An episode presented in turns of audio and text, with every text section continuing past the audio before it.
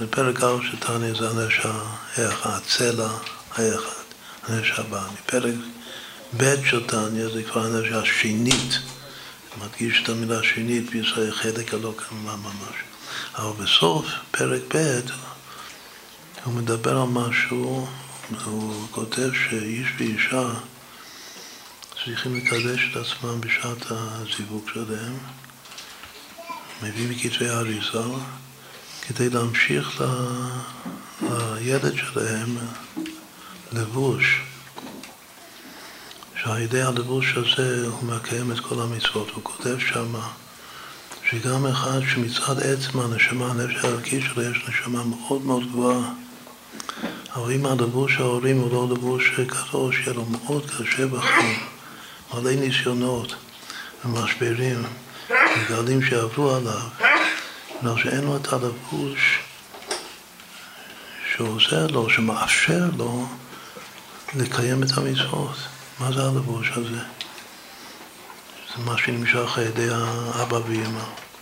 שזה, אם הוא עושה מזה את האריזה, ואל תדבר אחריו, עושה מזה עיקר. לא משנה איזה נשמה יש לך.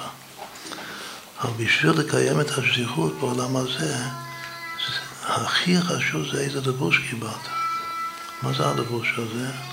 כאן הוא לומד, זה המקור בתניא, הדרוש הזה בדקותי תורה שאנחנו לומדים על יסוד הצלם. שבעצם זה הנפש השכלית. זה מה שמקבל, מה זה אבא ואמא? אבא ואמא זה שכל בקבלה. אבא זה חוכמה, אמא זה בינה. אז מה אבא ואמא נותנים לו? נותנים לו את השכל שלו. הנפש השכלית שלו. ובלי זה הוא לא יכול, לא יכול ליישם כלום בחיים. הוא יכול לעשות מצוות ומעשים טובים כמו שצריך.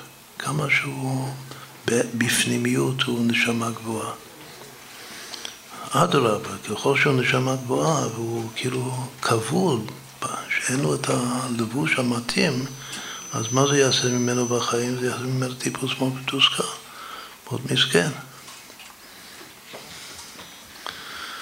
אז קודם כל זה אומר כמה חשוב הכוונה בקדושה של ההורים בשעת הזיווג. וזה גם מגלה לנו איפה אלתר מדבר על סוד הצלם, זה סוד, זה משהו כל כך חשוב, הצלם, איפה זה מוזכר. הפשט זה מוזכר שם בסוף פרק ב', אחרי שהוא הגדיר שיש נפש הבעמית, יש נפש האלוקית, אחר כך הוא מסיים שצריך לבוש מההורים, זה עיקר, זה משהו יסודי ביותר הלבוש הזה.